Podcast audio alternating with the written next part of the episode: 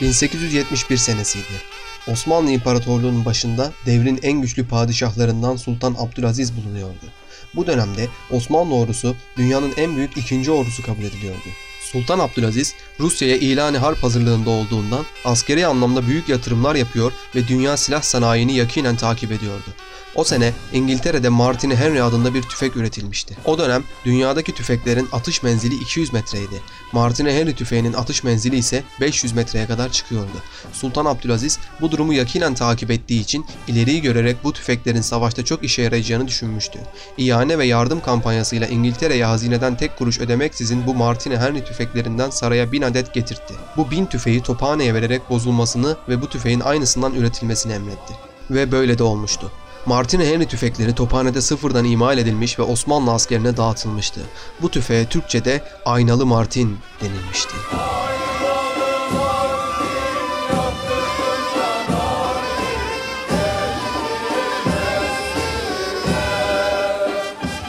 Osmanlı ordusu hazırdı. Rusya'nın Osmanlı karşısında hiçbir şansı olmayacaktı. Ancak içerideki hainler bu duruma asla müsaade etmeyeceklerdi. Mithat Paşa adı verilen ve Bulgar Yahudisi olduğu iddia edilen hain bir paşa tarafından 30 Mayıs 1876 tarihinde Sultan Abdülaziz'e haince bir darbe yapıldı ve Sultan Abdülaziz darbeciler tarafından padişahlıktan azledildi. Daha sonra bilekleri kesilerek şehit edildi ve intihar süsü verildi. Bu Osmanlı için büyük bir kırılma noktasıydı. Şehzade Abdülhamit Amcası Abdülaziz'e yapılan bu hainliği görmüştü. Ancak ipler Mithat Paşa ve darbecilerin elinde olduğu için onların suyuna gitmesi gerektiğini düşünüyordu. Mithat Paşa ve avanesi Osmanlı rejimini cumhuriyete çevirmek istiyordu. Bunun için anlaşabilecekleri bir şehzadeyi tahta geçirmeyi düşünüyorlardı. Bu kişi Şehzade II. Abdülhamit olacaktı. Hem de ne şehzade. İhtilal yapan ordular harp yapamazlar. İç disiplini bozulur. İhtilale katılan bir yüzbaşı, ihtilale katılmayan bir generalin önünde yürür. Ordudaki cumhuriyetçi askerler ile padişah taraftarı askerlerin birbiriyle rekabeti Sultan Abdülaziz'in dünyanın en büyük gücü haline getirdiği Osmanlı ordusunu gitgide zayıflatmaktaydı. Osmanlı-Rus harbi kapıdaydı. Sultan Abdülhamit tahta henüz yeni oturmuştu. Mithat Paşa ve avanesi Rus harbini başlatmak istiyordu. Cevdet Paşa tezakirinde harbin patlamasını şöyle izah etmektedir. Rusya İmparatoru muharebe kapısının açılmasını istemezdi. Mithat Paşa onu ilan harbe mecbur etti. İslam ahalisinin efkarını heyecana getirip cenge hırslandıran odur. Sanki tüfeğini o doldurdu, damat Mahmut Paşa üst tetiğe çıkardı, Redif Paşa ateş etti. Bu üç kişi devletin başını bu felakete uğrattı. Abdülhamit Avrupa devletlerine barış tavassutu için telgraflar çekilmesini emretti. Kendisi katiyen savaşa taraftar bulunmuyordu. Ancak tüm çabalarına rağmen harbin başlamasını önleyemedi. Ruslar 24 Nisan'da Osmanlı'ya harp ilan ettiklerini bildirdiler. 1877-1878 Osmanlı-Rus Harbi başladığı sırada Rus ordusunun 546 bin askeri vardı. Ruslar seferberliklerini süratle tamamladılar, ordularının büyük bir bölümünü Balkanlara sürerken diğer bir bölümünü de Anadolu'nun kuzeydoğusuna sürdüler. Abdülaziz döneminde çok iyi teçhizatlanan Osmanlı ordusunun top, tüfek, mermi, tabanca gibi mühimmatları yeter sayıdaydı. Osmanlı ordusunun 300 bini Balkanlarda, 100 bini Anadolu'da olmakla birlikte toplamda 400 binden fazla neferi mevcuttu. Karadeniz'de ise donanma üstünlüğü Osmanlı'nın elindeydi. Bu sayede denizden gelebilecek saldırılara hazırlıklıydı. Rusya'nın harp amaçlarına gelince Balkanlarda Slavlarla meskun eyaletleri Osmanlı hakimiyetinden çıkarmak ve onlar üzerinden kuracağı nüfuz ile İstanbul ve Boğazlara yaklaşmaktı. Diğer taraftan da Anadolu'nun doğu kuzeyinde Batum limanını Kars, Ardahan ve Erzurum'u ele geçirmek suretiyle bir taraftan da Karadeniz'de kuvvetlenmek, diğer taraftan da İskenderun yönüne bir yayılma imkanı sağlamaktı. Bu büyük planın gerçekleşmesi için Rusya bir saldırma harbi yapmak zorundaydı. Böyle bir harpte ise Balkan Slavlarının kendisine yardımda bulunacaklarına ihtimal veriyordu. Nitekim öyle de olacaktı. Osmanlı'nın savaş planı savunma üzerine kuruluydu. Bu plana göre iki savunma hattı kurulacaktı. Birinci hat Tuna Nehri'ydi. Bu hattın gerisindeki ikinci savunma hattı da Balkanlar olarak kabul edilmişti. Rusların savaş planı ise şöyleydi.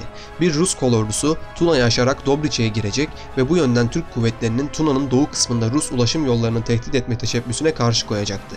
Bu esnada Rus ordusunun geri kalanı Rusçuk ve Nibolu arasından Tuna'yı geçip Edirne yönünde yürüyecekler ve bu suretle Türk kuvvetlerini ikiye ayırmış olacaklardı. Bu planın tatbik edilmesi için her şeyden önce Osmanlı hakimiyetinde bulunan Romanya'dan geçit müsaadesi almak gerekliydi. 16 Nisan 1877'de Rusya ile Romanya arasında yapılan bir anlaşma ile bu müsaade elde edildikten başka 22 Mayıs'ta Romanya'nın tabi olduğu Osmanlı Devleti'ne karşı harp ilan etmesi bile temin edilmişti. Ruslar 24 Nisan'da harp hareketine başladılar. Bir Rus askeri birliği Tuna'yı geçerek Maçin'i aldı. Dobriçe'nin güneyine doğru ilerledi. 27 Haziran'da başka bir Rus birliği Tuna'yı geçerek Rusçuk ve Nibolu arasında Osmanlı topraklarına çıktı. Ziştoy'dan bu çıkışı önlemek için gelen Türk kuvvetinin müdahalesi tesisiz kaldı. 30 Haziran'da General Gurko Tırnava üzerine yürüdü. Amacı Balkan geçitlerini sonra Bulgaristan'ı ele geçirmekti. Bulgarları ihtilale teşvik etmek, bu suretle Edirne-Sofya demir yollarına varıp Osmanlıların münakale yani ulaşım yollarını kesmekti. Gurko 1 Temmuz'da Tırnava'yı ele geçirdi. Ardından 19 Temmuz'da Şipka geçidini ele geçirdi. Rus ordusu bu surette planın birinci kısmını tamamlamış oldu. Bulgaristan'da Türklere karşı misli görülmemiş bir katliam başladı. Köyler ve kasabalar yakıldı. Türklerden elde edilen ganimetler orduya dağıtıldı. Bulgar halkı da Ruslara katılarak Türklere ait komşu köy ve kasabaları talan ettiler. Yeni Zagra ve eski Zagra dolaylarına kadar olan bölgeyi kan ve ateş içinde bıraktılar. Bu sırada Nibolu da kuşatılmıştı. Kahramanca bir savunmadan sonra Nibolu kalesi Rusların eline geçti. 7000 esir, 113 top, 10.000 tüfek de Rusların eline geçti. Rusların bu büyük askeri başarıları İstanbul'da büyük bir endişe uyandırdı. Padişah ve bakanlar yani vükela ayrı ayrı veya birlikte askeri harekete müdahale ediyorlardı. Bu karman çorman usul mağlubiyetin mesullerini kurtarmaya kafi gelmedi. Başarısız olan paşalar geri çağrıldı ve yeni paşalar tayin edildi. Karadağ'da bulunan Süleyman Paşa'ya kuvvetleriyle Balkanlara hareket etmesi emredildi. Bu tedbirler yetersizdi. Ordunun mevcudunun artırılması için asker tedarikine girişildi. İstanbul halkı için de askerlik mecburiyeti getirildi. Fakat nüfus sayımı yapılmış olmadığı için kura usulünü yürütmek mümkün olmadı. Bunun üzerine gönüllü askeri alımlar başladı. Ancak İstanbul halkı harbe alışık değildi. Taşra'dan gelen esnaf da iş ve gücünü terk etmek istemiyordu. Sözün kısası yumurta kapıya gelirken alınan bu tedbirlerden fayda görülmedi. Bunun üzerine Edirne halkından eli silah tutanların ordu hizmetine alınmasına karar verildi. Bu sırada Süleyman Paşa kuvvetleri Balkanlara ulaşmış ve Rus kuvvetleriyle savaşmaya başlamıştı. General Gurko ordusu mağlup olunca eski Zagra'nın Osmanlı kuvvetlerinin eline geçmesi üzerine Tırnava ve Gabrova'da Osmanlı ordusuna karşı bir harp hattı kurdular. Ruslar harbe başlarken kolaylıkla muzaffer olacaklarını ve süratle İstanbul önlerine varacaklarını ümit etmişlerdi. Fakat Süleyman Paşa'nın Gurko kuvvetlerini geri çekilmeye mecbur etmesiyle hayal kırıklığına uğradılar. Rus Başkomutanlığı General Gurko'nun başarılarını istismar edememişti. Balkanları tekrar aşmak ve hedefine ulaşmak için Vidin'den Plevne'ye gelip Rus ordusunu ciddi bir surette tehdit eden Osman Paşa kuvvetlerini bertaraf etmek gerekiyordu. Plevne, Batı Bulgaristan ve Balkan geçitlerine giden yolların kavuşak noktasıydı. Osman Paşa burasını türlü tahkimat şekilleriyle mustahkem mevki haline getirmişti. Komutası altında 40 tabur kadar asker vardı. Ruslar ilk defa olarak 20 Temmuz'da Plevne'yi almak amacıyla taarruz ettiler ve Osman Paşa'dan ilk silleyi yediler.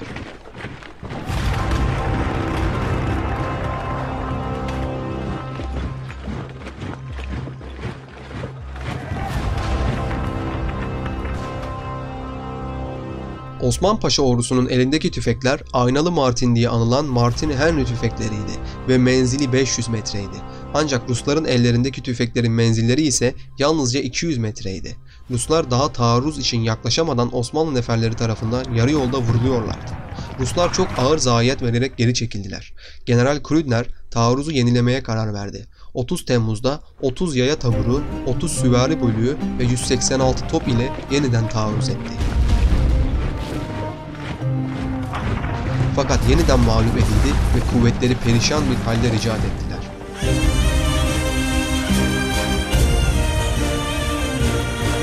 Osman Paşa karşı taarruza geçerek düşmanı takip etmek istedi. Fakat bunun için gerekli süvari kuvvetinden mahrumdu. Bundan başka harbi İstanbul'da siyasi paşalar idare ediyordu. Plevne'den çıkmamasını emrettiler. Halbuki bu sırada Gurko'da eski Zagra'da mağlup edilmiş bulunuyordu. Rus ordusunda yılgınlık ve ümitsizlik başlamıştı. Eğer Süleyman Paşa Balkan geçitlerine karşı savaşı indirip de Osman Paşa da Rusları taarruz hareketiyle takip etseydi belki de Rusları Tuna'dan öte tarafa atmak mümkün olurdu. Fakat böyle olmadı. Osmanlı komutanları birbiriyle irtibat kurmadan harp ediyorlardı. Rus komutanlığı her ne pahasına olursa olsun Plevne'yi zapt etmeye karar vermiş bulunuyordu. Çar kesin bir taarruz için Rusya'dan yeni takviye kıtaları ve bu arada kendi hassa alayını da getirtti. Aynı zamanda 60 bin kişilik Romanya ordusunun da yardımını sağladı. Plevne harbin kör düğümü haline gelmişti. Ruslar 3. taarruza hazırlandıkları sırada Osman Paşa da yeni bir savunma hattı için tertipler aldı. Civardan ve İstanbul'dan aldığı kuvvetlerle ordusunu takviye etti. Önceki muharebelerden edindiği tecrübelerden faydalanarak önemli mevkilerde yeni tabyalar ve istihkamlar yaptı. Askerin ihtiyaçları için ve uzunca bir muhasaraya yetebilecek kadar yiyecek tedarik etti. Ruslar taarruz için 100 bin asker ve 450 top ile Plevne'ye üçüncü kez gelmişlerdi. Bu kez Rus Çarı ve Başkomutan Grand Dük Nikola ve Romanya Prensi Charles taarruza nezaret edeceklerdi. Türk ordusu ise 25 bin kişilik kuvvetle 70 toptan ibaretti. Taarruz hareketleri Çar'ın doğum yıl dönümünde başladı ve büyük bir şiddetle gelişti. Ruslar cesaretle ve maharetle savaştılar. Çar ve başkomutanları da ordunun başındaydı. Bu suretle birkaç önemli mevki ele geçirebildiler. Fakat Osman Paşa'nın ve mahiyetinde onun gibi değerli komutanların ve erlerin kahramanlığı Rusların kesin bir netice sağlama yolundaki her türlü gayretlerini eritti. Ruslar ve müttefikleri Romanyalılar girdikleri yerden çıkarıldı, kaçmaya zorlandı. Çar büyük ümitlerle geliştiği taarruzda kuvvetlerinin bu halini gözyaşlarıyla seyretti.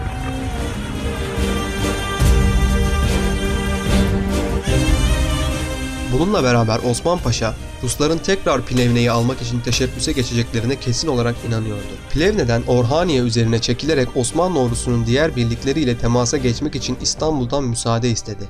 Meclis bunu muvafık görmedi. Boğaziçi kıyısından harp idare etmenin mukadder kılacağı felaketi Osman Paşa'nın devamlı kahramanlıkları da önleyemezdi. Ruslar Plevne'yi taarruzda alamayacaklarını anlayınca kuşatmaya karar verdiler. General Gurko Plevne'yi tecrit ederek kuvvetlerin başına geçirildi. Bu suretle Osman Paşa'ya hiçbir şekilde yardım yapılmasına imkan bulunmayacaktı. Bu planın tatbikinde Ruslar muvaffak oldular. Osman Paşa öldürülen er ve subayların yerini dolduramadı. Malzeme, mühimmat sıkıntı baş gösterdi.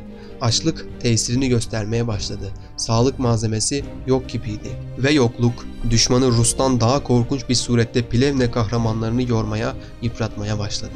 Rus komutanı Osman Paşa'ya kahramanlığını öven bir mektup göndererek teslim olmasını teklif etti. Paşa reddetti. Türk ordusu bu kapanda sefil bir şekilde ölmekten ise bir yarma hareketiyle muhasara çemberini aşmaya karar verdi. Bu kararın tatbikine misli görülmemiş fedakarlıklar ve kahramanlıklarla girişildi. 42 bin kişilik Türk kuvveti 72 topla 130 bin Rus ve Romanya askerine ve 450 topa karşı dövüştü. Üç muhasara çemberinden ikisini yarmaya muvaffak oldu. Fakat neticede teslim olmaya mecbur kaldı. Plevne kahramanları harbin talihini değiştiremediler ama Türk ordusunun askerlik şerefini kurtarmış oldular.